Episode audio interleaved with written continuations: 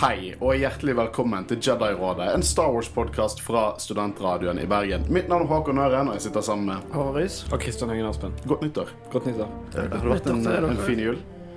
Veldig. Det har vært veldig avslappende. Det har ikke skjedd mye. Jeg Ikke mer mas fra meg om innspillinger. Nei, nei, jeg har bare vært hjemme og, i Haugesund og slappet av. Det har vært nydelig. Jeg har vært ute sånn to ganger. Det høres egentlig ganske deilig ut. Mm. For meg var det, var det fullt hus i familiehuset med, med kaos og barnehyl. Glad barnehyl. De fikk jo leker og sånn. Og neser og nevøer og hele pakken. Men du, Christian. Hva, det, hva, hva, det, hva skjedde med deg i jul? Jeg, jeg, regner med du sikter til den flotte årets beste jula på sånn. Ja, jeg er ikke sjalu. Så jeg la ut på Instagram Jeg er ikke en uh, eh, Collectors Edition eh, Millennium Falcon. Lego. Som jeg skal eh, love å poste stories. Det er veldig gøy, da, for jeg har samlet opp en liten, relativt imponerende samling Lego med ett sett, så du allerede har en dyrere samling enn Jeg regner med at Millennium Falcon kommer til å ta hele den plassen under Jeg har ikke plass til noe Lego. Jeg, må, jeg måtte feste de på veggen her.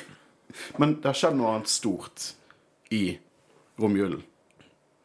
Fordi at jeg har fått med Apple TV, eh, og jeg har sett gjennom to og en halv sesonger av The OC. Husker du The OC, Håvard? Veldig gøy. Vet du hva som er det gøy med The OC? Er at det kom ut samtidig som prequel-trilogien, så det er jævlig mye Star Wars-referanser. Husker du at Josh Lucas spiller seg sjøl i The OC? Gjør han det? Ja. For Seth og Zack skal selge tegneserien sin, og så skal de et møte med Josh Lucas og spille seg sjøl. Så gøy. Men skjedde noe annet, da? Jo. Book of Bobafett. Oh, yes. 29. desember så vi første episode av Book of Bobafett. Eller rettere sagt Book of Bobafett chapter 1, Stranger in a Strange Land. Og det er det vi skal snakke om i dag. Og jeg tror ikke dere skjønner hvor hypet Jo, jeg tror dere er hypet, da. Jeg tror vi alle her er ganske hypet etter å snakke litt fersk live action Star Wars. Hvor deilig er det ikke å ha litt fersk live action Star Wars? Det har jo ikke vært siden Det det er et år siden sist, så det er utrolig deilig. Og uh... Hæ?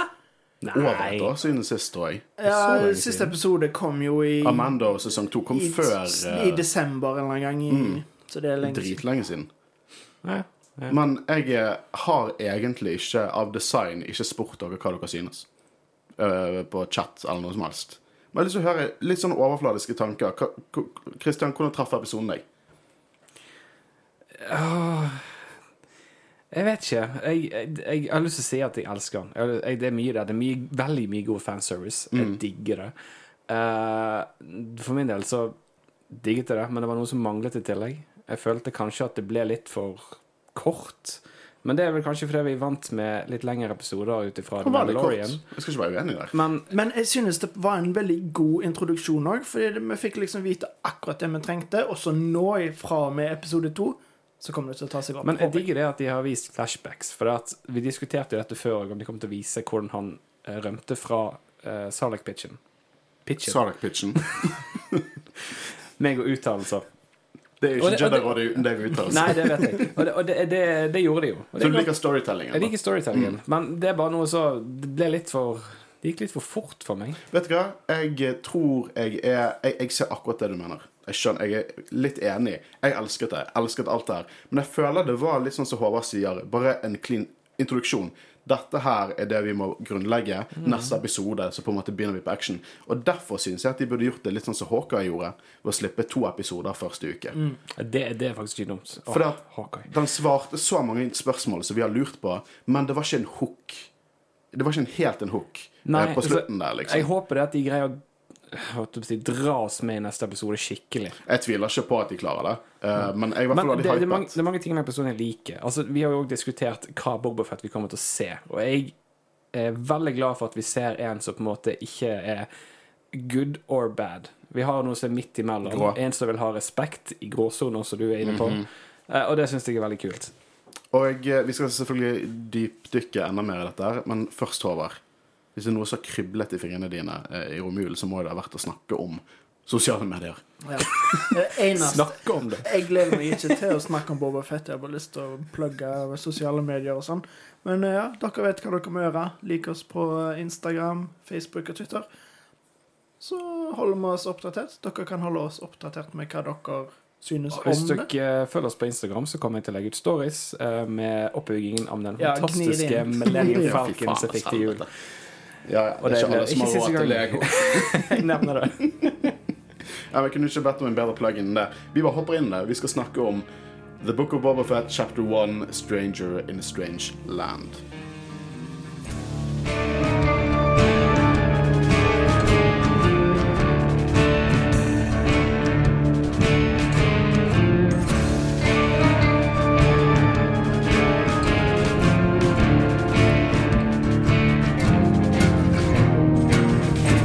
Vi begynner helt, vi kommer til å spoile det shit til denne, men det tror jeg folk skjønte. Ja, det, det regner jeg med at de forstår. Uh, ja, og jeg har uh, jeg, jeg liker det de gjør her. For det denne episoden gjør Eller jeg tror i hvert fall i neste episode også kommer til å gjøre, er at vi har to timelines. Flashback-timeline og det som skjer på en måte current day i Kan jeg kalle det The Mandoverse? Det er liksom det er kronologisk Ja, på toppen av Mandoverse. Men eh, det blir garantert med flashbacks. Ja, og likte jeg. Jeg likte veldig godt hvordan de gjorde det. Så hver gang Boba Fett er i denne Bacta-tanken, uh, nå i Jabba's Palace, eller Bobas Palace, uh, så får vi flashback. Og fy faen, de første bildene. Fra Camino og eh, Geonosis med unge Boba Fett som holder Mm. Ja, for sin igjen. selve det klippet der, det er fra en slettet scene, sant? Ja. For når du går oppover, det er ikke det vi ser Nei, det er en i annen filmen. vinkel i Attack of the Clones. Ja, altså, det, det, var, det var dødskult. Det de eneste som er filmet på nytt, er når du ser over skulderen han ser faktisk på hjelmen. Ja. Det er nytt. Men det er det, det unge Daniel Logan er jo ubrukte scener fra Attack of Veldig, the Clones. veldig kult. Uh, og uh, oh, that got my fleeces uh, flowing. ass. Holy shit. Og jeg synes måten de har gjort det på med flashbacks, er, som du nevnte, det var jo veldig kult med det at det er på en måte drømmer i back-to-tanken. Fordi flashbacks er jo ikke noe vi ser altfor ofte i Star Wars, så jeg var veldig spent på, hvis de skulle ha det, hvordan det ville passe inn. Og jeg synes det passer veldig godt inn. Og litt det du sa med at eh, det gikk litt for fort. Jeg likte egentlig måten de gjorde det på, at spesielt det med Sarlacken, at det var liksom over på halvt minutt, så hadde han kommet seg ut, og så var det liksom Fikk bare se akkurat hvordan han gjorde det, og det trengte ikke mer. Ja, det er ikke nøyaktig det jeg siktet til. Det er selve helheten i episoden. Akkurat den delen er jeg veldig forståelig til. Ja, Salek var helt konge. Ja, ja, det er helt nydelig. Å, og jeg, jeg digger den stormtrooperen som har vært nede. Med sånn syreskade Ja, han, han, sånn. han har jo vært der et par år, så jeg er ute du, du kan egentlig Du umulig finne ut hvem han er. Men jeg Men vi kommer sikkert at- få en tegneserie om det. Ja, men det hadde jo vært kult hvis det var faktisk en av de uh, Enten en av de som lette etter C3PO og R2D2 Så bare falt ned. falt ned. Eller så hadde det vært kult hvis det var en av de jævlene som brant opp gården på Ja, sant. Ja. Uh, men jeg synes at Vet du hva? Vi visste jo at vi kom til å få denne scenen. Men Og dette er en sånn scene vi har sånn, hørt om siden 90-tallet. Har vi hørt om den scenen når han kommer seg ut av Salek, og så fikk vi se det. Og fy faen så klaustrofobisk og nasty det var. Det, det minnet meg om noen av de fanart-bildene som er der ute. Når Boba Fett bare sånn er stuck fullt av tentakler og kjøtt og Men, men jeg syns det er kult i forhold til hvordan C3PO forklarer det i Return of the Jedi, hvor detaljert de har gjort det i forhold til beskrivelsen hans. Det, det er ganske stilig. litt skuffet for at det ikke er han og, og, og Weekway nede og spiller kort. Eh, Er det ennå en Robot Chicken? Ja, da bare faller vi ned der, og så sitter jeg og spiller kort. Men eh, jeg synes Sarlacan var gjort da var det mer plass der nede òg, da. Ja, sant. Og, og jeg, jeg, jeg satte veldig pris på at jeg hadde Jeg fikk sånn flashbacks til Arrested Development. Nei, ikke Arrested Development, Parks and Recreation. Å oh, ja, når han gir den talen. ja, eh, Det er faktisk- Patton Oswald Jeg tror han hadde Ja, det- så å si narrator denne scenen. Ja, men de må jo ha Eller Det kan godt hende. er det, det er ikke tilfeldig, det er ikke random, sant? Ja, men jeg, jeg bare tenker Hvis det er referanse til det Konge, for det, han er en skjermefyr og en nerd, og han fortjener en referanse. Men det er sånn, hva, hva ellers skulle de ha gjort, liksom? Han måtte jo grave seg opp. Ja, det forstår jeg sant. Men jeg synes det var utrolig Men, eh, kult. Sånn, sånn en liten, en liten videoklipp. Eh, Den tentakelen som vi ser liggende, eh, at det var den som Han Solo skøyt for å redde oh, ja, så kontinuiteten var Ja, ja, kult. At det var der, men om det stemmer eller ikke, det vet jeg ikke. Ja, men det, det jeg, eh, jeg det, det, det, jeg får litt frysninger av å snakke om det nå, for det er en sånn scene som du har hatt i hodet i alle år, der Boba Fett klatrer opp av Salakpitten og bruker flamethroweren sin. Ah, nei, helt konge. Helt konge. Jeg synes at, uh, at det var egentlig ganske perfekt vist. Likte jeg veldig godt uh, måten uh, vi så hvordan han mista rustningen òg. Fordi jeg husker ikke om når det var, men jeg føler vi har diskutert liksom Ja, å, tenk om Bobafett blir en good guy, og så bare gir han fra seg rustningen til uh, Jawas før han ikke vil ha det lenger, eller noe sånt. Men nei da, han blir Han blir eh, rana og Men vi, vi må jo ha kommet med den, eh, Vi må ha nevnt det som en teori når vi snakket om det i fjor. Det har vi sikkert, men jeg vet ikke med dere eller om det er feil, men jeg, jeg lo meg i hjel når de kom med, bilen.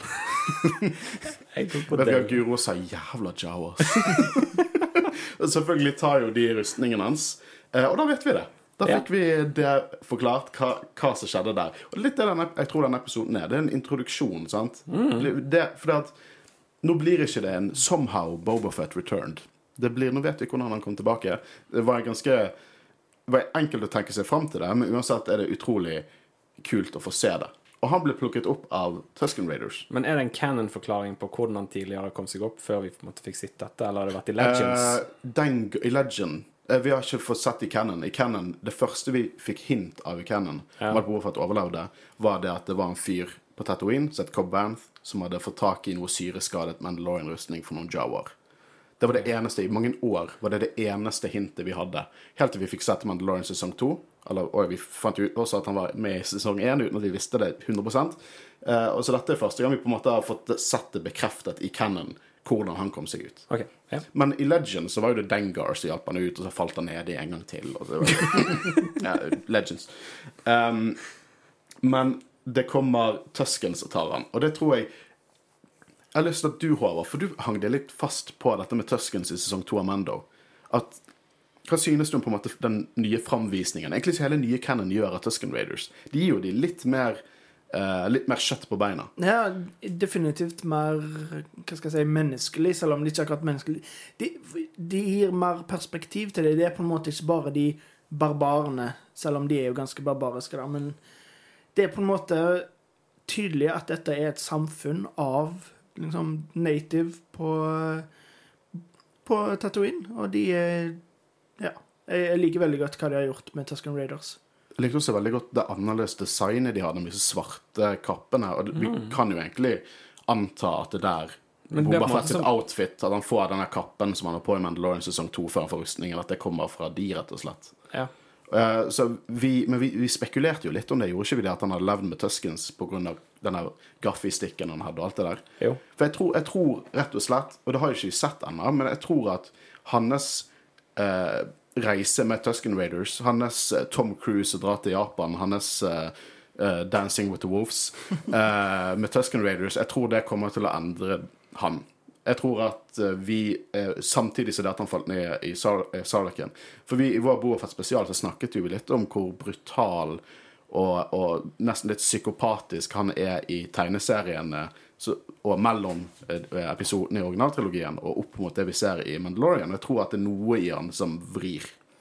Han tar en 1,80 etter det. Og det tror jeg er en del av den hooken vi eventuelt får. Hvorfor? For vi vet liksom ikke hva motivasjonen hans er for å bli en crime lord.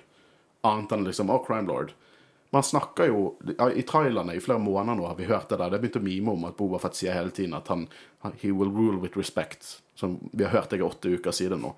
Og det må jo være noen motivasjoner som får han til å ville gjøre dette. Så jeg antar at det er noe vi kommer til å se i neste episode i disse flashback-scenene med Tusken Raiders. Jeg har noen andre ville uh, spekulasjoner om Tusken Raiders. Uh, først, jeg syns designet på de er konge. Den chieftain Jeg fikk nesten litt sånn Predator-vibes av Ja, jeg tenkte akkurat det samme med de der liksom dreadlocks og alt mulig sånn. Ja, dritfett. Og denne serien så langt har bare én episode inn, da, men utrolig kult visuelt. Det er fortsetter med akkurat som med Mando. Det er jo så visuelt, men jeg føler her har de på en måte tatt enda et steg opp igjen. At, De klarte å, å understreke en litt annen tone eh, enn det Mando hadde. Uh, jeg vet ikke helt om jeg, om jeg klarer å definere den tonen helt ennå, men det er absolutt Og senere i episoden så vil jeg absolutt diskutere musikken litt. Uh, men jeg, jeg føler at den har understreket en annen type tone. Men jeg Det første jeg tenkte når jeg så disse Tusken Raidersene Igjen, det er veldig kult at de tar en variasjon av det vi alltid har sett av klassiske designet på Tusken Raiders, og gir oss noe som ser annerledes ut. To, alle der har på seg krigermasker. Barna, kvinnene, mennene. Alle har det. Sist gang vi har sett, eller tidligere i Star Wars Cannon, når vi har sett eh, kvinner og barn, er når Anakin liksom slaktet. Not just uh, the men, but the women and the children too. Eh, og da hadde de klart et annet design, sant? at det var mennene som på en måte hadde krigermasker. Men her har alle det. Sånn, Bobafett slåss jo litt mot en sånn kriger eh, kvinne Tusken Raider. Og, jeg, og så har de på seg alle disse svarte greiene, og jeg vet at i Cannon så lager Sandpeople en sånn liten kult til Vader. For Vader har kommet tilbake igjen på Tatooine og bare slakta Tusken Raiders bare for punching bag, for han hater de. Eh, så jeg lurer Jeg begynner, begynner å leke med tanken om det på en måte er noe Vader indirekte grunn til hvorfor de bærer seg på den måten de gjør, og hvorfor de går med disse svarte kappene, og hvorfor alle har på seg krigermasker. Jeg syns bare det var en litt sånn gøy idé om det faktisk er noe til det. Uansett så er det òg veldig kult å se at på en måte det er forskjellige klaner med Tusken Raiders, og at de er forskjellige. At det er Ja, at de bare de er forskjellige og gjør ulike ting og kler seg annerledes. De har sin egen kultur, på en måte. Ja, det er jo veldig sånn Native American 1800-tallet, kolonitidene, eh, paralleller jeg føler de prøver å fortelle, i hvert fall når vi skal få mer sympati for de, sånn som vi fikk i, i Mandalorian sesong 2. Og, og igjen, de på en måte måtte vise respekt til territoriet deres og kjøpe seg forbi der litt sånn. Jeg syns det er veldig kult i hvert fall det de gjør. Og det er egentlig bare Jeg føler ikke at Legends gjorde så mye for Tusken Raiders, annet enn at de bare var brutale monstre. Her og der var det noen smågreier, men bare på to, disse to live action-seriene som har kommet ut nå, så har de gjort eh, tonnevis mer for Tusken Raiders enn enn det det har gjort tidligere. Og det syns jeg er kult. Og det utvider på en måte universet litt. Eh, jeg har lyst til å kommentere hvor bra denne Massifen ser ut, den, den doggoen. For den ser helt konge ut. Jeg tror det er første gang den har vært delvis praktisk. Kan hende jeg tar feil der, men når Bobafett driver liksom Han er bindt fast, og så skal han kvele denne hunden. Jeg har ikke sett den i praktisk eh, før, bare CGI. Så jeg syns bare det var kult å nevne at bare, jeg syns CGI-en generelt bare blir bedre og bedre. Eh, det var veldig lite her som jeg tenkte var eh, så fake ut. Det var ikke så mye av det Mando, men av og til ser du at det er CGI. Eh, hele dealen her er jo det at han, han, er, han er stuck. Han er fanget av Tusken Raiders. Eh, det er en roadien der, og jeg hørte rykter Det om at er stemmer. Ja, sant? Er det det? Mm. For jeg hørte rykter om det, men klart, jeg var ikke helt sikker. Men det er Jo, gøy at han det, får det, spille. vet at det er han. Ja, det er kjempegøy. Så han, eh, han snitcher på henne. Og det er jo her eh, Boba Fett blir tatt ut av hun er kvinnelig tøsken, og jeg garanterer at den gaffy-sticken hun har, kommer til å bli Boba Fett på tids, sin på et tidspunkt. For Boba Fett sin gaffy-stick er betraktelig lengre enn eh, en vanlig gaffy-stick som vi har sett før. Og det er litt pga. produksjonen eh, bak Mandalorian, for da han hadde lyst til å ta inn litt av den Maori, New Zealand-krigertradisjonene, og da trengte han en lengre grafistikk, så de lagde en annen type grafistikk til han. Og jeg så at hun også hadde en ganske lang grafistikk, så jeg lurer om det, på om det kommer til å være en eller annen duell da han beviser seg mot hun og får grafistikken eller noe sånt. Hvem vet? Eh, Men òg den scenen der han på en måte klarer å rømme. Hero var det Det var her jeg liksom virkelig først tenkte wow, dette var dritkult visuelt. Sånn som når uh, du bare ser sånn seks uh, Tusken Raiders komme over den lille sanddynen, og så bare står de der med en solnedgang i bakgrunnen. Dritfett. Mm. Det er Ja, jeg liker veldig godt alt det visuelle så langt i serien. Jeg har jo kommentert litt at jeg hadde et lite problem med MCU og Star Wars for den saks skyld. At jeg synes at de er veldig opptatt av at det filmatiske skal ha en kontinuitet, sånn type at filtre og sånn, og hvordan det ser ut skal være med kameralenser og sånne ting, skal ha en kontinuitet. Men så ser du sånn som når Book of Boba Fett kommer ut, så klarer de å gjøre sin stil med det. Og du ser eksempel de klarte det fint i Rogue One og Last Jedi for den saks skyld, og på en måte gjør en twist på det. Eh, så jeg, eh, jeg tror jeg tar den litt tilbake. At eh, jeg synes at Jeg synes Book of Boba Fett klarer å lage sin egen visuelle stemning. Eh, til tross for at de på en måte skal opprettholde den kontinuiteten mellom Mandalorian. da. Jeg var veldig hypet på, på hva som skjer videre. Eh, men jeg må si at det var veldig kult å se Sarlaken og alt dette her. Men jeg er litt mer hypet på hva som skjer i eh, KNK nåtiden. Med den crime lord-greiene. Og så må jeg bare si at jeg har fått et eh, Det kuleste jeg har hørt eh, på en stund i Star Wars, er begrepet lord fett. Det bare det er, det er så kult. Jeg bare ser for meg liksom sånn at han kommer til å gå med sånn Game of Thrones-kappe med sånn eh, Wookie-pelt på skuldrene. Uh, for nå skal, nå skal Boba Fett eh, bli vekket av Phoenix Shan. Og det er her jeg, uh, jeg begynte å tenke litt. For når han blir vekket av Phoenix Shan, og nå er vi på en måte i nåtiden, så sier han til Fennik at drømmene var tilbake. Og jeg tenkte liksom Jeg, jeg føler ikke det er så typisk Bobafett å være så veldig åpen om hva han drømmer. I hvert fall til denne personen som han tydeligvis ikke har kjent sånn kjempelenge. Men da tror dere at han kanskje har kjent Fennek lenge, før han eventuelt Før han reddet henne på Tatooine? Enten det, eller så prøver han å skape nære venner. Ja, sant, han er ensom.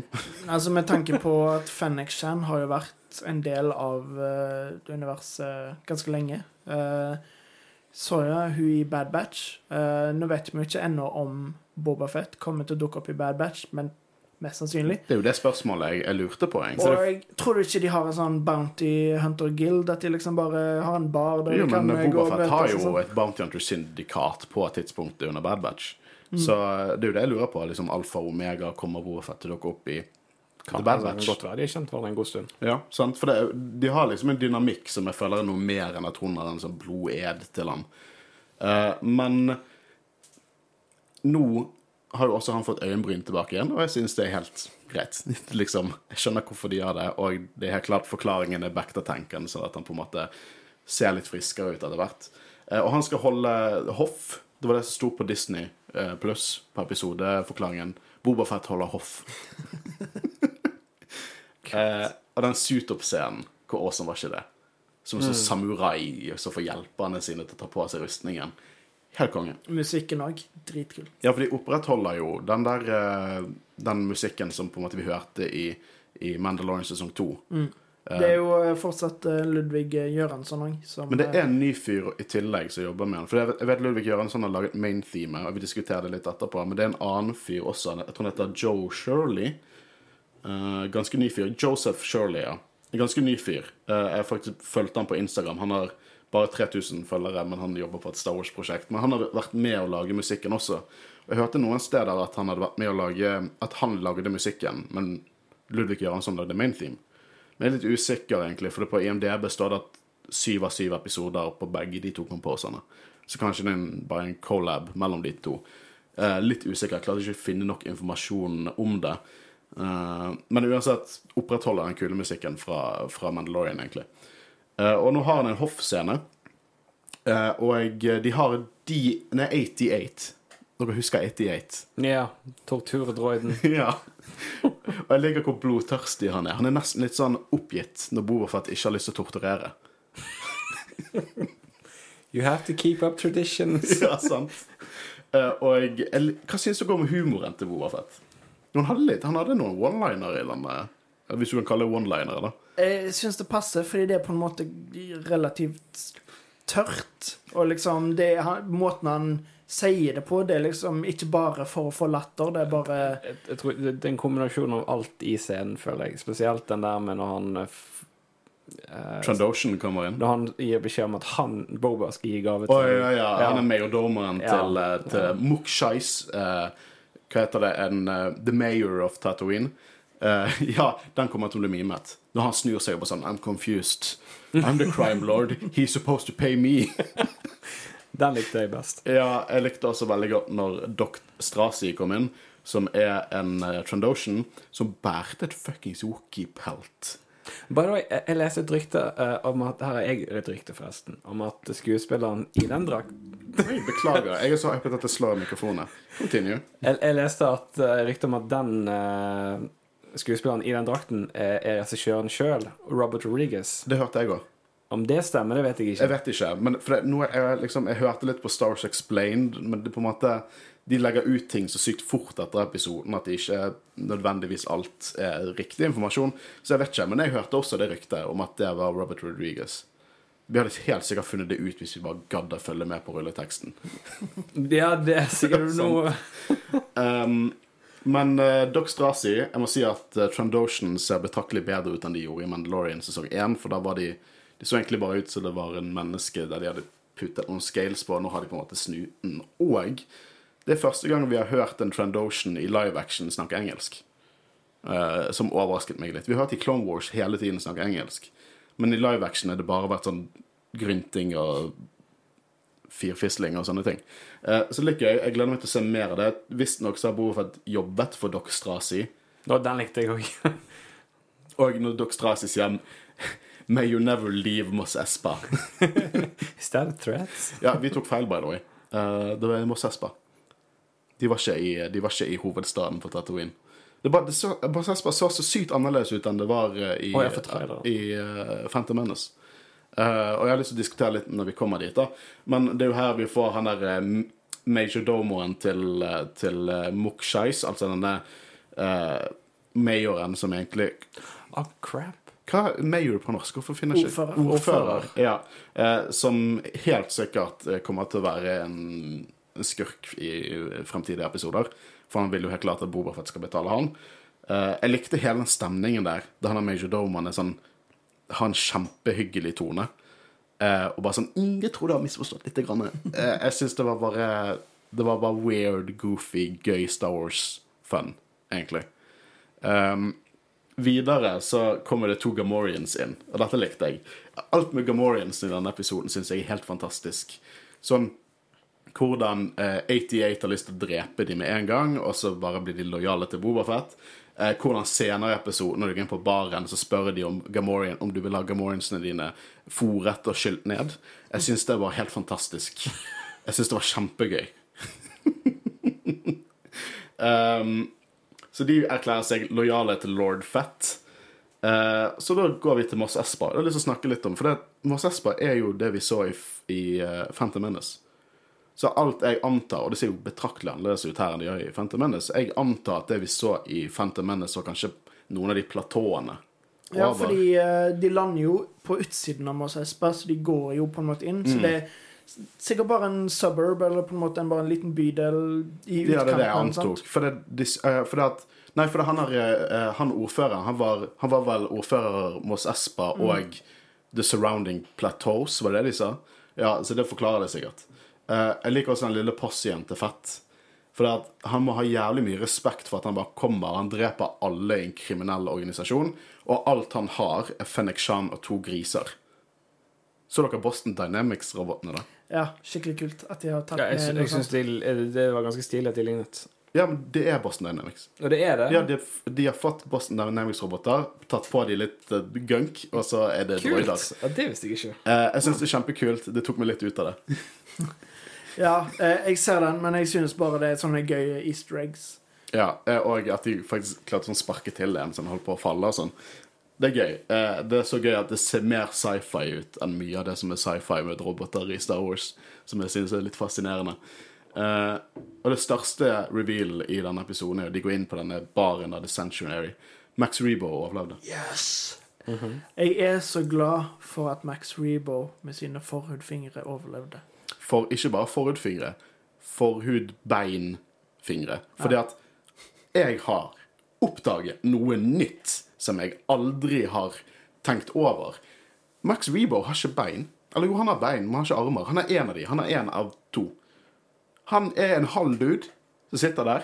Og vi vet ikke om det er rasen som er der, for i Cannon har de hintet til at de går som liksom med bein og armer. Vi har sett eh, bilder av de i ting som har vært Cannon, eller er halvveis Cannon, der han har bein og armer. Men i Return of the Jedi han skal spille med beina sine. Det er meningen. Jeg trodde alltid han satt inni instrumentet.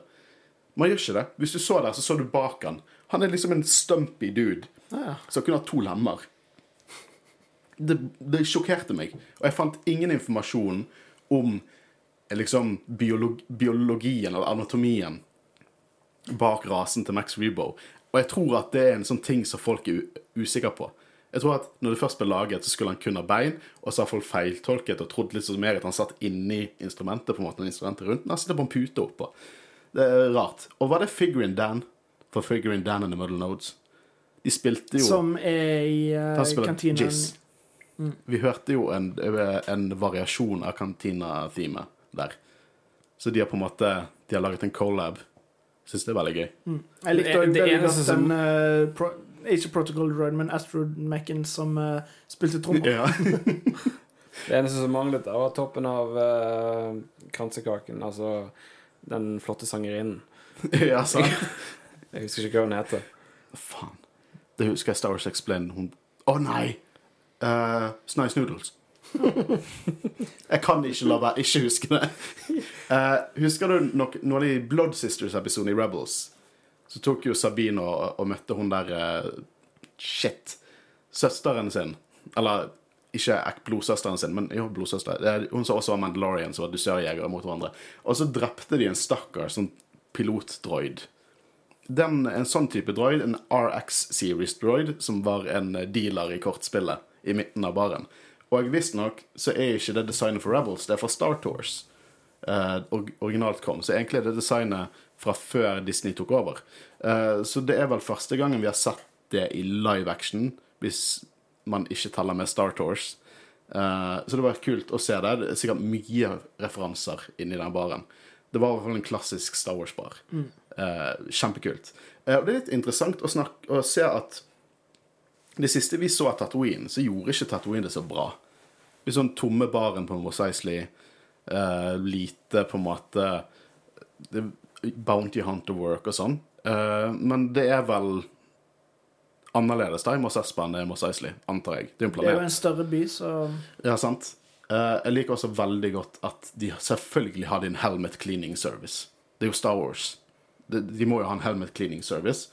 Her var det eh, Jeg så noen, eh, noen lagde en liten video. Det er han Eckerts Ladder som jeg syns er veldig gøy å, å, å se på hvis du på en måte vil ha fun facts for Legends.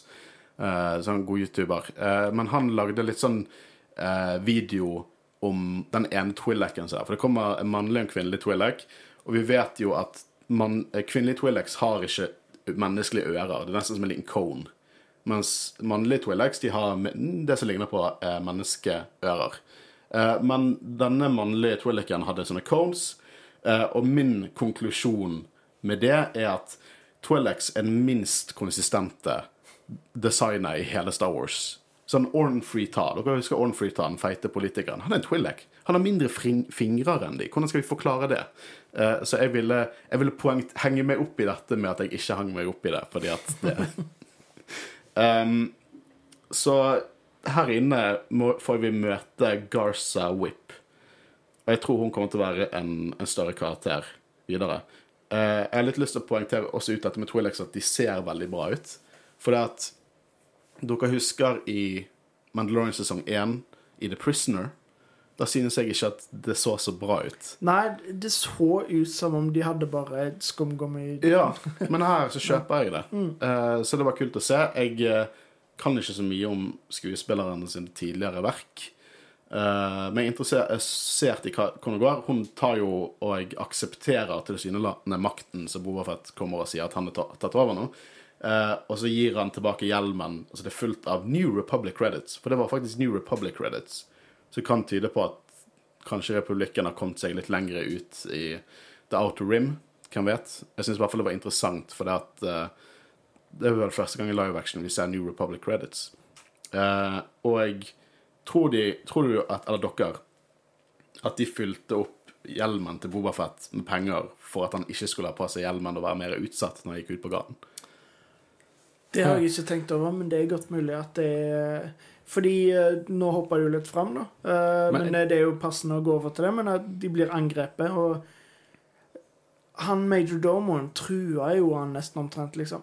Jeg ville ikke blitt overraska om du får en annen delegasjon Mm. fra ordføreren. Er det han eh, som står bak det, eller er det noen andre? Det er jo ikke Da så rart veldig at Boba Fett blir angrepet, fordi det kan ikke bare være enkelt å ta over eh, som crime lord. Nei. Skaper Han virker fiender, i litt hvert fall. naiv. Han er veldig det, på det er jo dette. veld, veldig interessant hvis det er en effekt av det, på en måte. Det synes syns jeg er veldig stilig. Eh, men eh, til, før jeg begynner å snakke om akkurat å gå ut med hjelmen på eller av, men jeg syns der òg humor var ganske bra, med at han hadde fått mer enn henne. ja, ja, ja. Den, den likte jeg òg. Your helmet is shinier Ja. than mine. Yes. Eh, men Men hadde han gått ut med hjelmen på i utgangspunktet? Ja, det tror jeg. Ja. Ja, det tror jeg. Men eh, jeg eh, det, det viser jo Alle disse scenene viser jo egentlig For han har vært veldig sånn Fennek har liksom sagt 'Skal vi drepe han?' Nei, nei, nei, nei chill.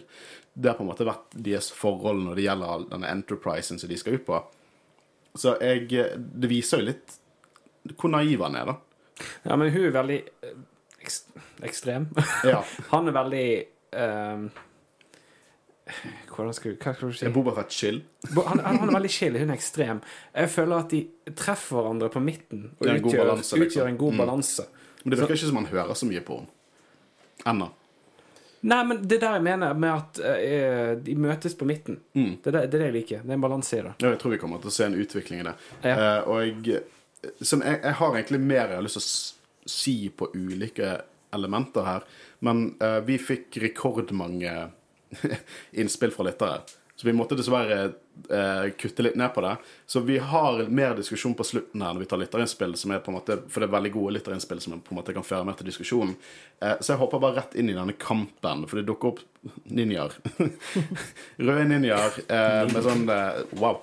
Eh, det er veldig kaos her inne i dag. Men røde ninjaer med skjold eh, og sånne vibro staffs. Er det samme skjold eller samme beskyttelsesstråle, eller hva faen du skal kalle det, som det vi ser i Phantom Menace med uh, Kenobi, Qui-Gon? Sikkert uh, samme grunnleggende teknologi. Det vet jeg ikke. Jeg bare tenkte siden fargen var lik. ja, det er laserskjold. Jeg, jeg, jeg kan egentlig ikke så mye om, om sånne tekniske aspekter med teknologien. Eckhart Sladder, han youtuberen jeg snakket om, han er veldig flink til liksom, med, med, med den type greier. Så det, det er veldig kult å, å høre på.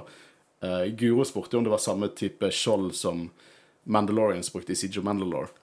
Ah. Uh, jeg tenkte jo at det var det samme konsept. Kanskje ikke samme akkurat, men det er jo, det er jo energiskjold. Uh, det var i hvert fall en kamp som jeg synes var kanskje litt rotete. Men jeg lurer på om det var kutt, og jeg føler det er Robert Rodriguez, som regisserte episoden, han Noen bedre. ganger klarer han action ganske bra, men noen ganger føler jeg det blir jeg litt ikke for det er all action i The Tragedy Jeg så den nettopp. Jeg så den for et par dager siden. Er jo helt konge. At det nesten sånn jeg lurer litt på om det var meningen at det skulle være litt rotete. For det Boba Fett blir jo rundhjult. Eller ikke han blir ikke rundhjult, han banker et par stykker. Han dreper et par stykker. Men han blir ganske rundhjult. Overraskende rundhjult. Ikke sant, Kristian? Du skulle si noe? Kom med en Ja, for at her er jeg uenig med dere begge. Jeg okay. synes faktisk det var litt stilig. Jeg, ja, jeg kan på en måte se at kuttingen var litt sånn, men jeg, jeg Altså, det er Robert Rodriguez. Det, jeg føler det er litt hans stil òg. Mm. han er en av mine favorittregissører òg. From Dust to Dawn og uh, gode For Dust to Dawn ødela meg. Ødela Jeg forventet ikke penisrevolver og vampyrer. Det var ikke det jeg forventet. Det var ikke det jeg ville ha akkurat. Kanskje jeg må se filmen på nytt. Eh, men ja. Eh, Nei, jeg syns faktisk det var ganske kult. Ja. Nei, men jeg sier jo ikke det. eh, Det eneste var litt sånn Det var et par ganger kuttinger. Dette er ikke sånn uh, Dette er ikke noe disrespect til noen som har sendt inn i det hele tatt. Uh, uh, Einar sendte inn to ting. Det er han som laget musikken vår. Tusen takk til Einar som lagde kongemusikken vår. Ingen disrespect til deg, Einar, men du sendte inn én ting som vi kommer til å ta opp, og så en annen ting der du spurte hvorfor Boba Fett ikke brukte jetpacken sin når han ble omringet. Og det er, sånne, det er litt sånn sånne ting jeg, jeg, jeg aldri gidder å henge meg fast i hvis ikke det er sånn latterlig obvious. Liksom, det kan være tusen ting. Det kan være det at han prøvde først med den eh, den der rocket launcheren sin og ble smelt tilbake igjen, og, eller at han følte at han ikke hadde nok rom til å gjøre det, eller at han ikke hadde nok drivstoff. Christian. Eh, det er liksom Sånne detaljer er ikke så mye jeg gidder å henge meg fast i. Dere ser det ikke nå, men jeg viser fingeren til Han viser fingeren han bekrefter det. Eh, og det er litt det som vil gå inn i eh, mitt poeng, er at dette er ikke noe jeg egentlig fokuserer så mye på. Det er litt sånn som mye av kritikken til den Last Jedi-duellen med Praetorian Guards. At det er noen sånne ting som er kuttet vekk, og noe litt sånn rot i koreografien. Og jeg synes fortsatt det er kjempekult. Ja, Ray skulle dødd et par ganger. Ja, sant. Men det liksom det, det, det, det fikk fram det jeg tror Ryan Johnson ville med den scenen. sant? Eh, og her er det litt sånn av og til det bor Fett på bakken, og så klipper de, og så står han oppreist, og så klipper de, så står, ligger han på bakken. Så det er litt sånne ting. Jeg henger ikke meg så veldig opp i det, fordi at sånt skjer. Liksom, det, er en, det er en fyr i, i, i fleecejakke og jeans i Gladiatoren. Det er en fyr med solbriller og cowboyhatt i, uh, i Pirates of Caribbean. Uh, det er liksom eh, Zulu Warriors med gullklokker i filmen Zulu, for det, det var det de betalte statistene med. Ja, stemmer det. Ja, sant?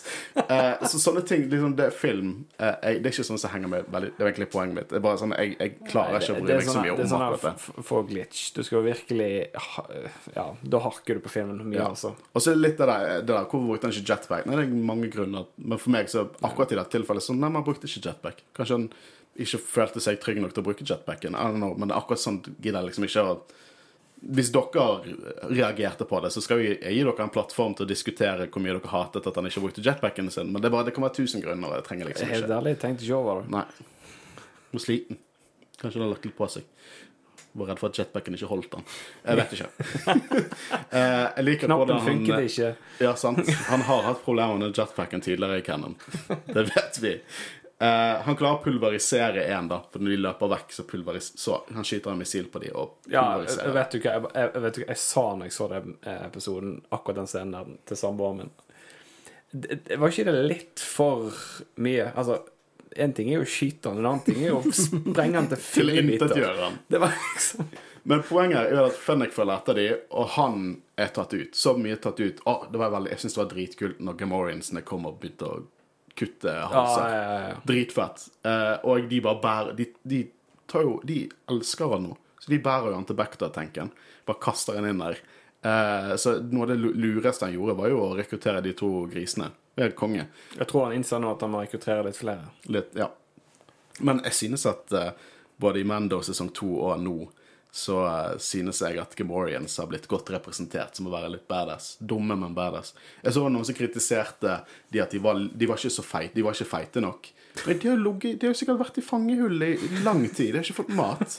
Du, du kan forklare det bort, vet du. Men jeg syns den chasen når Å, uh, uh, Å, herregud. Med Fennik Shan og ja. Eh, jaktet på de to. Og, Ingenting negativt å si om det. Nei, nei, nei, det var dødskult. Jeg håper vi får se mer sånn action ut av Mm. henne òg, i form av at hun er en dødelig assassin. Men jeg tror ikke vi får det. da Hun, garant- hun, er jo, hun elsker jo sånn fysisk stunt. Og, Bo, og, Boba, ja, og Boba sier jo at uh, han vil ha én i live. Ja, og når, når hun står der oppe og holder to stykker, og så bare dytter hun den Mm. ene ned og skal ta den andre med uh, Jeg synes at uh, Det er bare én ting. Det hadde vært, der syns jeg de kunne heve en eh, komisk replikk med at hun kunne sagt 'Sorry, I need one of you'. Hello, Wilhelm Scream. Ja, det var det jeg tenkte. Scream. Scream. Det var det jeg ville ha. Så Bobafett blir dratt tilbake til Back-to-tanken, og resten av episoden er egentlig flashbacks. Eh, og en annen ting jeg syns var veldig gøy, for nå er vi tilbake igjen til Bobafett. Han har på seg eh, denne eh, grå, blå, grå-blå eh, jumpsuiten han brukte i originaltrilogien. og Han er med disse Tusken Raidersene. Og eh, det jeg syns var veldig gøy, var at Reddit har fått ny sympati for Anakin. De hater Tusken Raider-barn nå. Så det kommer sånn hashtag 'Anakin did nothing wrong'. For det er en sånn unge som driver og plager han.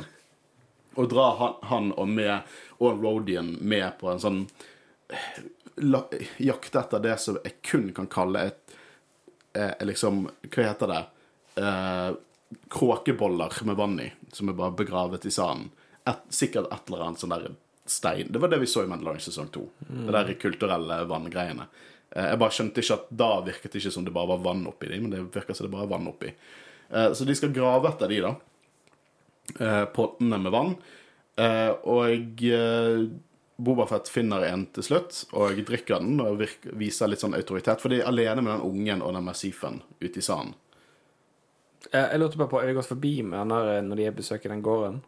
Eh, ja, det er vel her de gjør det. Ja. Jeg, Mm. bare, jeg bare lurer på, for at markeringen på den uh... Ikke sett det før. Jeg vet ikke hvem det er. Nei, for jeg bare syns det lignet veldig på uh, de uh, som Den gjengen som beskyttet Eller beskyttet Holdt til fange Grogu i Åh, episode 1 nå, av nå går du på dypet. Å, dette det liker meg ferskt. da, Men det, det, det håpet jeg du kunne bekrefte Nei, for meg. meg. jeg, jeg har ikke sett det. Jeg syns det lignet, i hvert fall. Ja, jeg har rett og slett ikke peiling.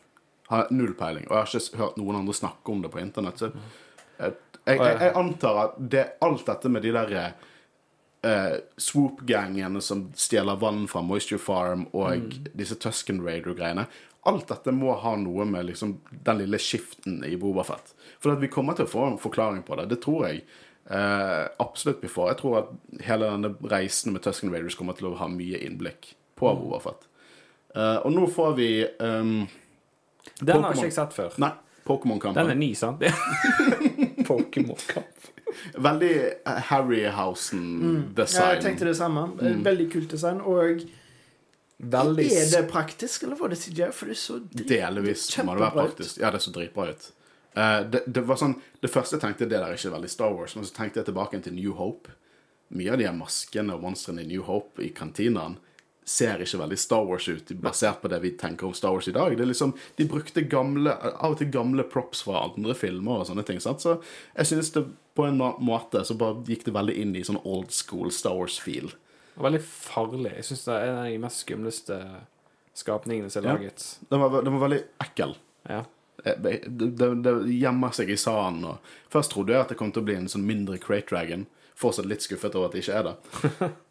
Men det var kult. Og det er jo Bobafett her som Ta en, dreper ta en leie. Ta en leie. Ta en leie. Lært av de beste. Og kveler denne og dreper Kitten. Kommer tilbake igjen. eh, Og Kitten bærer på hodet og skryter av den. Og så kommer eh, den mest badass Tusken Raider jeg har sett, den chieften vi snakket litt om, og gir han vann. Og det var avslutningen av første episode av Book of Overfett. Det første jeg vil snakke om nå, før vi går litt mer inn på hva meningene våre og sånn, jeg vil snakke om musikken, og hovedsakelig main theme. Hva synes dere om main theme? Uh, veldig passende. Syns det er kjempekult.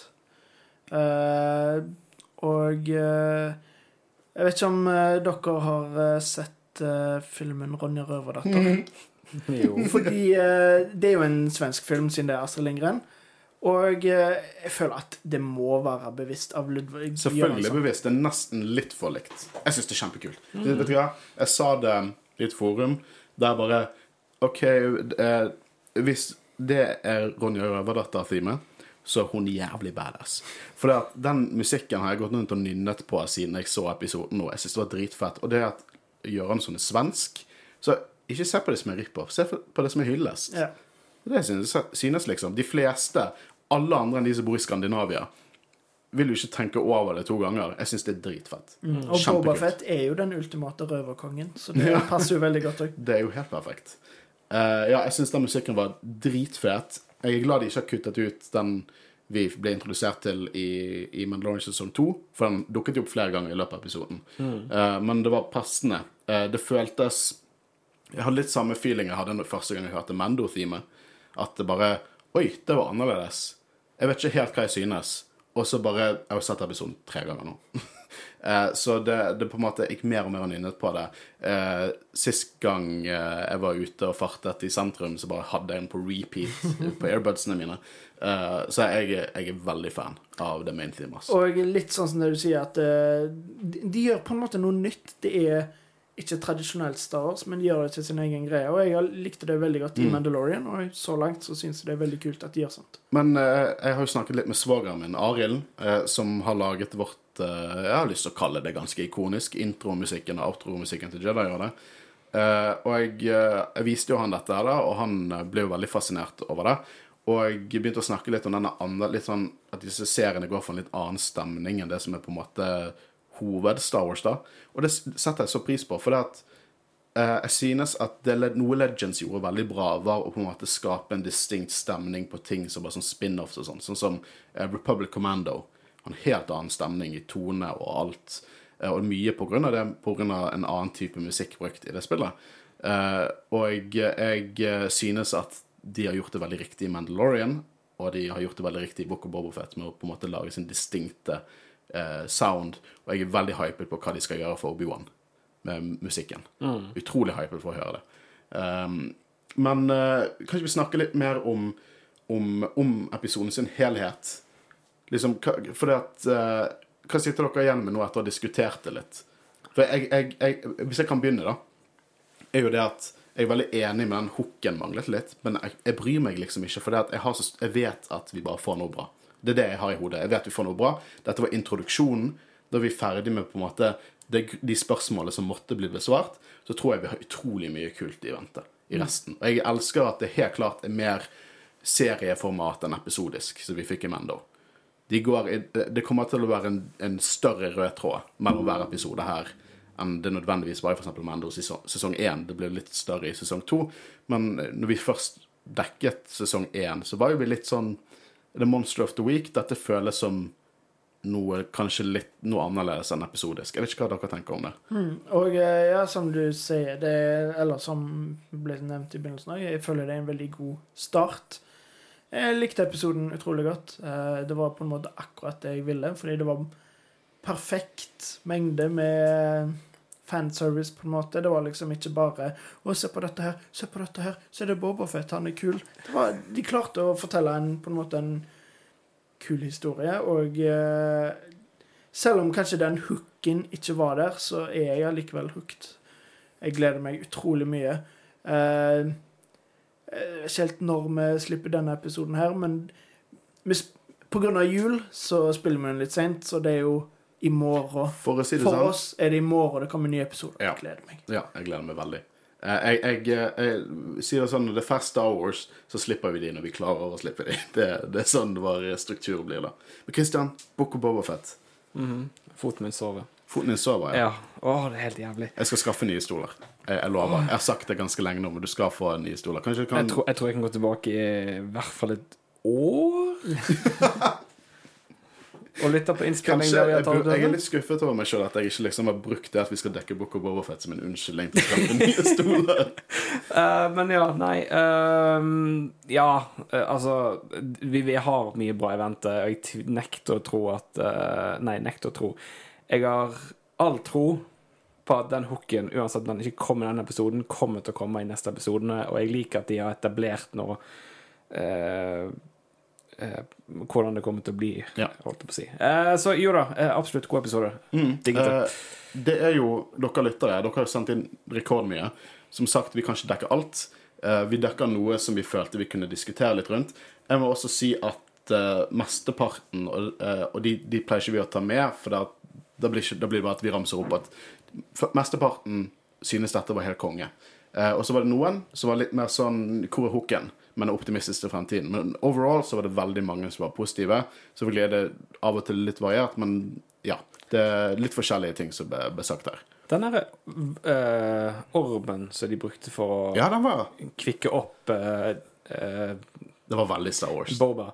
Var det den var det, Er det en Dungworm fra Phantom Menace-spillet? OK, nå må du komme Nå må du, eh, nå må du lord dumpe her. det, det, det bare datt rett inn i hodet på meg. Nei, eh, Phantom Menace-spillet, så er du i eh, Er du i Mos Eisley, tror jeg. Og da er det en sånn her Da er det Mos Espa. det Mos Espa. Ja. En sånn local uh, shop utenfor et hus der du får beskjed 'Buy Dungworms'. Det kan godt hende. Jeg tenkte jeg bare Ja. Det å, det er veldig gøy hvis vi var de første som kom med Eller du var den første som kom med den referansen. Jeg har ikke peiling. Jeg har ikke vært borti Dungworms først. Det, det må jeg innrømme. Men jeg spilte Phantom Menace-spillet på PC back in the day. Um, hadde lyst til å drepe Jar Jar, husker jeg, til og med da jeg var ung. Uh, men vi skal hoppe inn til lyttere. Så jeg tenker første her, den eneste jeg kommer til å si med navn, for jeg jeg- det var sendt inn separat min egen melding, og det er fra Oskar eh, Oppenhagen. Og han sa noe som eh, jeg synes var veldig interessant. Det var en interessant tanke. Jeg vet ikke om jeg helt kjøper den ennå, men jeg synes at det var, det var en interessant tanke. Og det er med på det at jeg har endret litt meninger om hvordan jeg tolker Sarlacc-biten.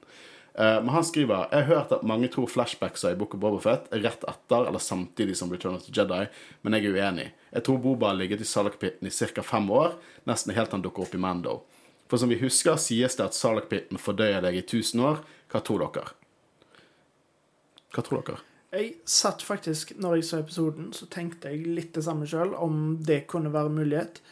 Jeg vet ikke helt om det er det de går for. Ehm, det, det gjenstår jo å se hvor mye som skjer på en måte etter eh, han eh, Ja, det som skjedde i episode én i flashbackene, om måte om han blir en del av gjengen i eh, Tusken Raiderne, eller om han Ja. Men eh, veldig interessant idé, i hvert fall. Um, så jeg, jeg vet faktisk ikke helt. Uh, vi så jo at uh, javaene kom, og de hadde jo sikkert sjekka alle Det er det som får meg til å tro at det er ganske kort tid etter. Ja, det fordi- og luft, luften han hadde. For han stjal liksom luft fra Mm. en annen Stormtrooper som var der.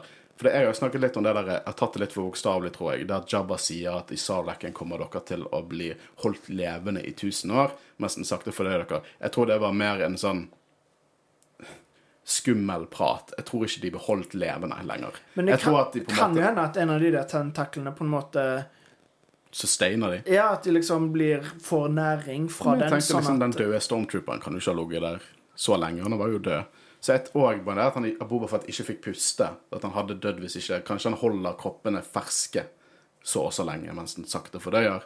Uh, men jeg tror Jeg, jeg synes dette er en utrolig interessant idé.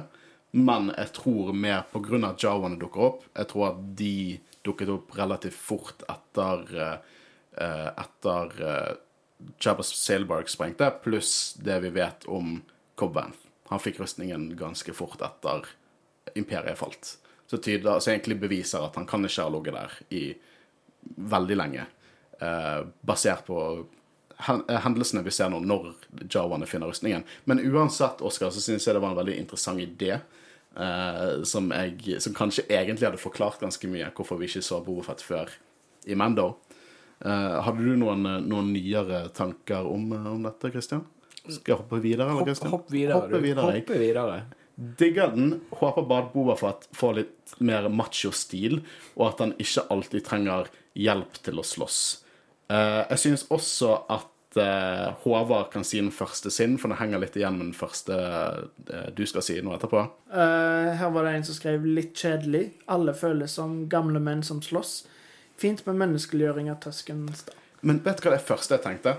For det at jeg var litt bekymret over at Bobafett bare skulle være superbadass. Jeg satte litt pris på at du så at hans liv har gått ut på hans fysiske og mentale helse, egentlig. Ja, og jeg føler at det er jo en grunn til at han fortsatt er i Bacta-tanken. Så jo etter den slåsskampen at han var helt satt ut og liksom Get me to the Bacta-tank. Eh, så, så jeg føler at han er sikkert på bedringenes vei, men at han fortsatt ikke nødvendigvis er i den peaken som han var tidligere. At han fortsatt er såra, på en måte, og Menneskelig ja, rett og slett. Men hva syns du om det, Christian? Eller følte du at det var Clint Eastwood som prøvde karate? Han hadde sikkert lært det. Eh, Nei, jeg vet ikke. Jeg Du likte, likte jo action. jeg likte action, da. Men på en måte så likte jeg jo at de gjorde han litt eh, Hva er det norske ordet for vulnerable? sårbar. Sårbar. Sårbar. At vi på en måte kan se at han er ikke helt i den formen han var i, og han på en måte utvikler seg mer til den formen i løpet av sesongen. Ja, og jeg, jeg tror ikke at folk skal være bekymret for det at for action. Jeg tror ikke folk trenger å være bekymret for action. For det, Robert Og- Rodriguez har vist at han kan action i Star Wars. Vi kommer til å få noen syke kampscener i denne serien. Eh, bare stol på meg, det kommer til å skje. Men Håvard, du kan bare fortsette egentlig med dine. Du. Ja. Uh, neste side var sykt fett. Elsker at vi har et eh, show der hovedpersonene er 60 og 58 år. Det er rart å tenke på, for de ser ikke så Men det er hun som er sexy, sant? Det er det som jeg syns er litt sykt. Vent litt, er hun som spiller Fennig Chan 60? Nei, er ikke hun det? Jeg tror det. Uh, Ming Na Wen. Uh, Tamira Morrison er har han allerede på søkefeltet mitt. uh, han er Han er 61. Ja, det er han som er eldst, da. Ja. Så, så det er han som er litt, eh, litt eldre enn eh, Ming Na Wen. Men Jesus Christ, hun er snart 60. Hun ser yngre ut enn oss. Ja. Og hun er mye sprekere enn oss. Eh, men jeg syns det er dritfett. Og de har to skuespillere som bare, jeg bare vet de kan action. Veldig, veldig kul, men lurer fortsatt på hva serien skal handle om, utenom se Boba er kul. Hadde det vært så ille, da? Nei, det hadde ikke det. Og jeg føler at de har jo satt det opp ganske bra. At det, det, handler, kan, det handler mest om på en måte den maktkampen i vakuumet etter Bib Fortuna og Jabba, da. At uh... Jeg, jeg skjønner jo litt hva han mener. For det at sånn avslutningen av Book Nei, av Mandalorian sesong 1 sin første episode var jo Baby Yoda, og det sier seg sjøl. Avslutningen på, på sesong, nei, eh, første episode i sesong 2 var ironisk nok Bobafett sjøl. Det var på en måte ikke en sånn type reveal på slutten, men det kan hende også at dette, vi har blitt litt bortskjemt med antall sånn type reveals og shit, at det alltid skal være en svær cameo i Star Wars. sant? Jeg tror at at, eh, at hooken kan gjerne være hans forhold med, med liksom hvordan han beveger seg som en, som en, som en person. Dette er jo helt klart en, en veldig karakterdreven serie. Kanskje enda mer karakterdreven enn det vi har sett tidligere. Så, så jeg, bare, jeg bare veldig hypet på hva som skjer videre. Ja, altså, jeg ville personlig likt hvis de ikke hadde gjort noe sånne megagreier på slutten, men at de at serien fokuserte på at det power-vakuumet som er nå, og at det var en så enkel og grei historie eh, om Boba Fett. Og det blir jo veldig interessant å se hvor veien går videre. Om på en måte han drar offworld og gjør forskjellige ting, eller om det kun har handling på Tatooine. Liksom. Jeg var litt redd for Tatooine, fordi vi har sett det så mye nå, men jeg følte bare de viste oss en helt annen side av det denne gangen. At, at jeg på en måte ikke hadde så mye mot det. Men jeg håper selvfølgelig jeg håper, jeg håper han drar tilbake til Camino. Jeg vet hva, jeg håper vi får et flashback av Jango Fett, som lever, som snakker til Boba Fett, gir han råd og sånt shit. Eh, det vil jeg. Jeg trenger det. Så trenger jeg en replika av Jango Fett sin hjelm. Jeg har ikke nok Mandalorian-hjelmer, tydeligvis. Jeg trenger, jeg trenger Jango Fett sin hjelm i samlingen. Ja, siste kommentar fra meg. Det er litt for kort. Skulle gjerne hatt en hel episode inn i Sarlaken, for det var skuffende kort. Hva heter den med, med han um, Han der som spilte Harry Osborne i, i de første Spiderman-trilogien? Som var, spilte også i den filmen der han stuck i en stein. Ja, 127 timer. Ja, James? Franco. James Franco. Bare med Bobafett, så du stuck i Charlotte. Ellers lovende. Shout-out til temasangen av Göransson. Den var mad weird og veldig catchy. Og det er jeg enig i. Den Veldig var enig. utrolig kul. Da er det meg. Endelig. Uh. Ehm, Max Rebo. Utropstegn, utropstegn. Likte også hvordan episoden var delt inn i to historier. Veldig bra episode. Og jeg eh, lurer på hvordan de kommer til å opprettholde det. For tror du de kommer til å gjøre det gjennom hele serien? Det, det er jeg litt interessert i å se. Eh, Det kan være kult hvis vi på en måte får det. Eh, Det er jo litt løye, da, fordi da De tre siste seriene jeg har sett, har splitta timelines. For i julen har jeg sett Dopesick, som er en serie om eh, opiatkrisen i USA, der det liksom følger mange forskjellige tidslinjer. Og Witcher sesong 1. Det har jeg ikke sett. Men òg, jeg har nettopp begynt på Station 11, som er dritkult, og der er det flere timelines. Så kanskje Er det en ny greie? Bare splitte opp timelines hele tida? Det var enklere å følge med på denne splittede timelinen enn det var i Witcher sesong 1. hvis dere har sett den. Sesong 2 likte jeg veldig godt. Oh, den var så bra. Ja, fy faen. Vi binget, sesong 2 på to dager. Ah, det var så gøy. Nei, én dag. Vi satt en hel fucking søndag. Og så Witcher sesong 2. Eh, elsket det. Åh, awesome. Uh, really? Har et rykte om at Kira og Crimson Dawn er the big bad guys. Kult om dette er sant. Så jeg har hørt det, òg. Jeg har hørt det, òg Eh, I tegneserien og opp mot, eh, mot eh, eh, settingen til Return of Jedi, så har Kira faktisk, som Crimson Dawn sin leder og Crimson Dawn, klart å drepe 90% av alle Hutsene, så det er bare Jabba basically igjen som har makten. Så hun har hatt en stor vendetta mot Hutsene. Så det kunne passet inn, samtidig som noen av Crimson Dawn-enforcerne minner litt om de røde ninjaene vi så. Eh, og eh, i concept arten minner de veldig om de vi så.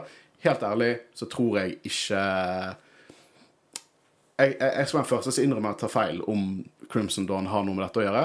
Men jeg tror, jeg tror ikke de er ferdig med Crimson Dawn i tegneserien. Jeg tror, de, jeg tror dette kommer til å være simplere. Jeg tror rett og slett at disse folkene er sendt fra av han ordføreren. Vi ser jo en scene i, i traileren der, der på en måte han hold, eller Boafett kommer inn til en person, og så holder de liksom Han er en av de fanget i slutten av denne episoden i tau eller noe sånt. Så jeg tror, at, jeg tror det er et enklere svar på det. Og jeg kommer ikke til å være innstilt på å se Crimson Dawn, for da tror jeg jeg bare kommer til å være skuffet. Eh, Jeg tror dette bare er ordføreren sine goons, rett og slett. Foreløpig har vi vel ikke fått navnet på ordføreren. Vi har bare fått navnet på Jo, han vi har fått eh, navnet på ordføreren, tror jeg. Eh, var ikke det Mokshais, og så var det Så sier han Mokshais, the mayor of uh, Masespa, uh, his major domo. Rettet han, han på det. Så jeg tror det er det som er han. Jeg kan hende ta helt feil. Fordi jeg følte Det kan hende at jeg husker feil, men jeg følte at de sa ordføreren. Og så sa han nei, men jeg er Mockshais Major Domo, på en måte. Oh, ja, OK. Men jeg, det, det, Det det kan er ikke godt si. Det, kan jo, det blir interessant å se hvem ordføreren er. For Ja. jeg føler at han må ha en rolle å spille. Mm, det tror jeg. Jeg lurer på om det kanskje er han der uh, uh, Hammerhead-fyren som vi så i eh, så i, eh, i traileren. Han som vi spekulerte om at det var Peder Pascal som hadde en voice acting cameo, som sier 'I thought you were a bounty hunter'. Om det kanskje er ordføreren? Jeg vet ikke. Det hadde i hvert fall vært kult om, om en av de var eh, var ordføreren, Hammerhead med litt makt. Det har ikke vi sett så mye av. Det er helt sikkert Watto. Watto! Han har bare Only money! økt makten. Um, ja. Uh, jeg er spent på hva som skjer med ordføreren. Han ble nevnt en del, og han virker som et svin. Oh, nei, unnskyld. Svik. Ja, uh, så det var jo egentlig det vi snakket litt om nå, men uh, det blir interessant. Det er jo helt klart Vi kommer til å få en liten reveal om han snart, tror jeg. Jeg mistet K-en. Eh, rolig, men god start. Fare for store mengder lår fremover for Cannon Junkies. Oh yes! Jeg er så jævlig hypet. Oh. Um, og hvilke, eh, siste, hvilke kjente fjes tror dere vi får se i løpet av serien? Boosk, Cad Bane, Mando. Jeg tror Mando garantert dukker opp. Slutten Jeg tror det er det, Jeg tror det, de kommer til å bruke Mando som en liksom sånn Shit. Jeg- jeg- Mando sesong tre kommer til å skje. Jeg òg kunne, jeg også kunne Ok, likt å se det på grunn av Hæ? Så Nei, bare jeg tenkte Men det kan jo hende at de bare liksom, I traileren at de pull the fast one on us. At det er Mando som snakker. Liksom At han trodde du var en bounty hunter. Hvorfor er du en crime Ikke lord Ikke første gang eh, Disney har tatt en sånn switcheroo i trailerne. Nei, for jeg, jeg regner med at altså eh, Om han eh, dukker opp på slutten Altså, Jeg regner jo med at han er med i sesong tre av Mando. Bobafett, ja. Ja. ja. Jeg håper det. Og jeg, jeg er jo ganske sikker på at det handler om Siege Mandalore. Ja. eh, hvis ikke det er sesong fire, da. For de har jo sagt det skal være fire sesonger. Jeg vil tro Ja. at de sparte Siege of Mandalore til siste sesong. Men hvem vet? Jeg, eh, jeg, jeg, jeg tør ikke håpe på mer nå, nå, Jeg kan ikke. Det er for mye å vente. Det, det, men nå har jeg Book of Bofet, så jeg er kjempehappy. Jeg tror vi ser Bosk. Mhm. Bare fordi at de har perfeksjonert live action eh, Oceans, Da tror jeg virkelig at de kommer til å gi Bosk inn. Bosk har et forhold til Boafat Vi vet at vi kommer til å se flere av de ikoniske dusørjegerne. Noe av de første de sa. Kanskje vi får vite hvorfor Dengar ser så annerledes ut i Rise of Skywalker. Er det, en sånn, det er en sånn sideplott der. Skal det det være at han på en måte hele driver og oppgraderer seg sjøl? Og så er sånn Dude, du må roe deg. Uh, Cad Bane, det har jeg lyst til å se. Det har jo vi snakket om at vi har lyst Kanskje til å det er det som er ordføreren. Og det er en dårlig ordfører, det. Det hadde vært kult, da. Ja, iallfall. Eh, men jeg eh, Der igjen er jeg litt sånn Jeg syns det hadde fungert awesome om Cad dukket opp. Jeg hadde elsket det. Men jeg vet ikke om, eh, om jeg tør å håpe på det. Jeg tror jeg skal være happy nok med at mine villeste drømmer som Star Wars-fan går i oppfølgelse med at vi har fått to live action-serier som handler om Boba Fett og Mandalorian, som at de sitter der og tenker 'Håkon, hva er det han liker?' Uh, men jeg tror vi kommer til å få nok av eh, ikoniske kamioer uh, i denne serien. Jeg er bare utrolig hypet til å se neste episode i morgen. jeg. Det var syv episoder totalt. Åtte? Nei, det skal være syv. Åtte? Syv. Åtte? Jeg er faktisk 100 sikker på at det er åtte. Det er syv. Du sa åtte. Nei, men det er syv. Jeg lover det er syv. Eh, Ok, jeg trodde det var åtte. Men eh, det var egentlig ikke så mye mer å si om det. Vi kommer jo til å fortsette nå, eh, i hvert fall fram til februar, å dekke dette. her. Og eh, enda mer Star Wars igjen eh, dette året. Jeg vet ikke når vi skal bli ferdig med Rebels, for det at et, Ja, vi har så mye i 2022 at jeg tror kanskje vi bruker hele året med å få kom complete Rebels. Og, mm. Uansett, vi har et, eh, et utrolig bra år foran oss, tror jeg. Eh, og jeg er utrolig hypet. Eh, og jeg Jeg tenker bare det at uh, Boba Fett er konge. Mitt navn er Håkon Øren. Jeg har sittet her sammen med Alvarez. og Kristian Høyen Aspen. Og vi er Jedi-rådet, og vi snakkes om ikke altfor lenge, da vi skal snakke om episode to av Book og Boba Fett. Ha det bra. Ha det bra.